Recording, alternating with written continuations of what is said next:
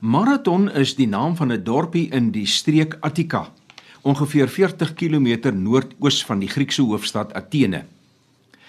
Die Atheners het die Persiese aanval in 490 voor Christus op die slagveld van Marathon gewen en volgens die legende sou die historikus Herodotus geskryf het dat die boodskapper Philippides glo met volle gevegsmondering van die slagveld af Athene toe gehardloop het en nadat hy die beweerde woorde vier fees ons het gewen geuiter het dood neergeslaan.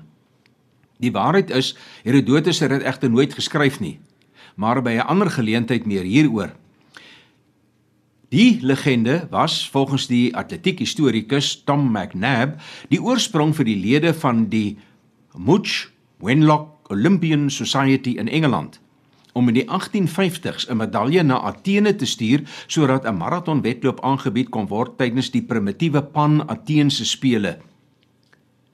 Nou die persoon wat egter amptelik krediet moet kry vir die instelling van die moderne maratonwedloop is die Franse taalkundige en historikus Michel Brel wat 'n beker geskenk het vir die wenner van 'n langafstand of uithou wedloop vanaf maraton na Athene by die Olimpiese spele van 1896.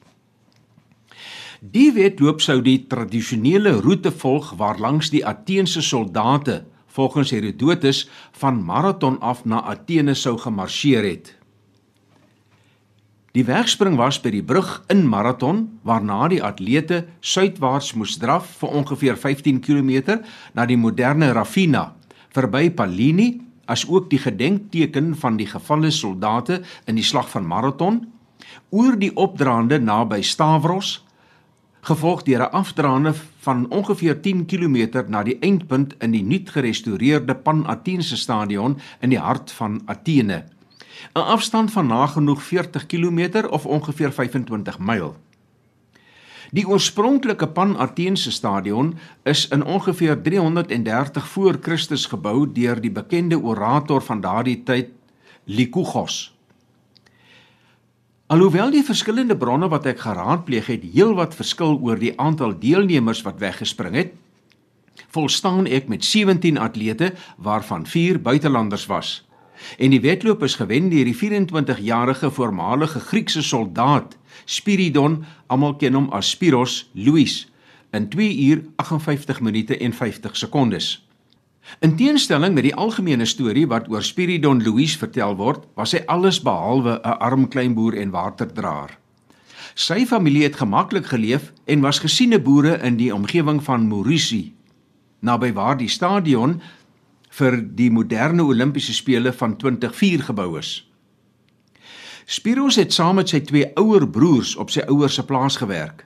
En na sy oorwinning in die maraton by die 1896 Olimpiese spele, het die eienaars van die waterbron in Marusi die reg om die water in Athene te verkoop aan Louis afgestaan wat hy toe opgeneem het. Die afstand van die maraton by die Olimpiese spele vanaf 1896 tot 1924 het aansienlik gewissel tussen 40 km en 42 km. Totdat dit in 1924 amptelik vasgestel is op 26 myl 385 tree. Dit is 0.195 km. Die standaard afstand van die maraton is in 1921 deur die internasionale assosiasie van atletiek federasies vasgestel op 26 myl 385 tree. Anders as wat die populêre storie dit wil hê dat die Britse koningsgesin 'n regstreekse invloed sou gehad het op die afstand van die maraton, het die IAAF op 'n vergadering in Den Haag in Mei 1907 besluit dat die Britse Olimpiese Vereniging 'n maraton van ongeveer 25 myl op die atletiekprogram kon insluit.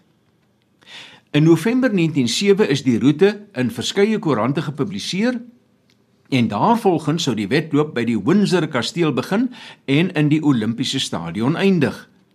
Maar daar was verskeie besware oor die toestand van die laaste paar myl se terrein as gevolg van tramspore en ongelyk padstene. Die roete is toe gewysig om die voetpad oor die Oude Oak Common en die Wormwood Scrubs te volg, met die gevolg dat die roete verleng is na 26 myl. 'n Ekstra 700 tree is bygevoeg Die besluit is dat die wedloop sou begin by die standbeeld van koningin Victoria by die Windsor Kasteel. Die atlete moes ook die stadion binnekom by die koninklike ingang en 'n verdere 586 tree, 2 voet, om die baan binne in die stadion af lê ten einde voor die koninklike losie te eindig. Maar tydens die spele self het die atlete met die toestemming van koning Edward 7de weggespring op die private oostelike terras van die Windsor kasteel sodat die toeskouers nie kon inmeng met die wegspring nie. En kort voor die spele se opening is ontdek dat die koninklike ingang by die stadion nie deur die atlete gebruik kon word nie omdat dit opgelig is sodat die koninklike familie gemaklik uit hulle koetse kon klim. 'n alternatiewe ingang reg oor die koninklike losie is toe gekies en 'n spesiale paadjie is buite die Franco-Britse tentoonstellingsterrein gemaak sodat die afstand steeds 26 myl was. Maar die wenstreep is onveranderd gelaat, maar sodat die toeskouers en koningin Alexandra die beste uitsig op die einde van die maraton kon hê, is die hardloop rigting verander sodat die atlete die laaste ronde kloksgewys om die baan gehardloop het. En dit het beteken dat die afstand binne in die stadion verkort is na 385 tree vir 'n totale afstand van 26 myl 385 tree. Vir die eerste 7 Olimpiese spele het die afstand van die maraton 6 keer verander met afstande wat gewissel het van 40 km tot 42.75 km. Vir die Olimpiese spele van 1912 in Stockholm was die afstand verkort na 40.2 km en in 1920 vir die Antwerpen spele weer verander na 26.56 myl voordat dit vasgestel is op 26 myl 385 tree of 42.195 km vir die Parys spele van 1924 en alle spele daarna.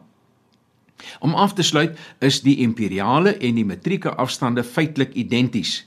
Dit verskil slegs met 1.2 cm of 'n half duim. Johan Rousseau vir RSG Sport.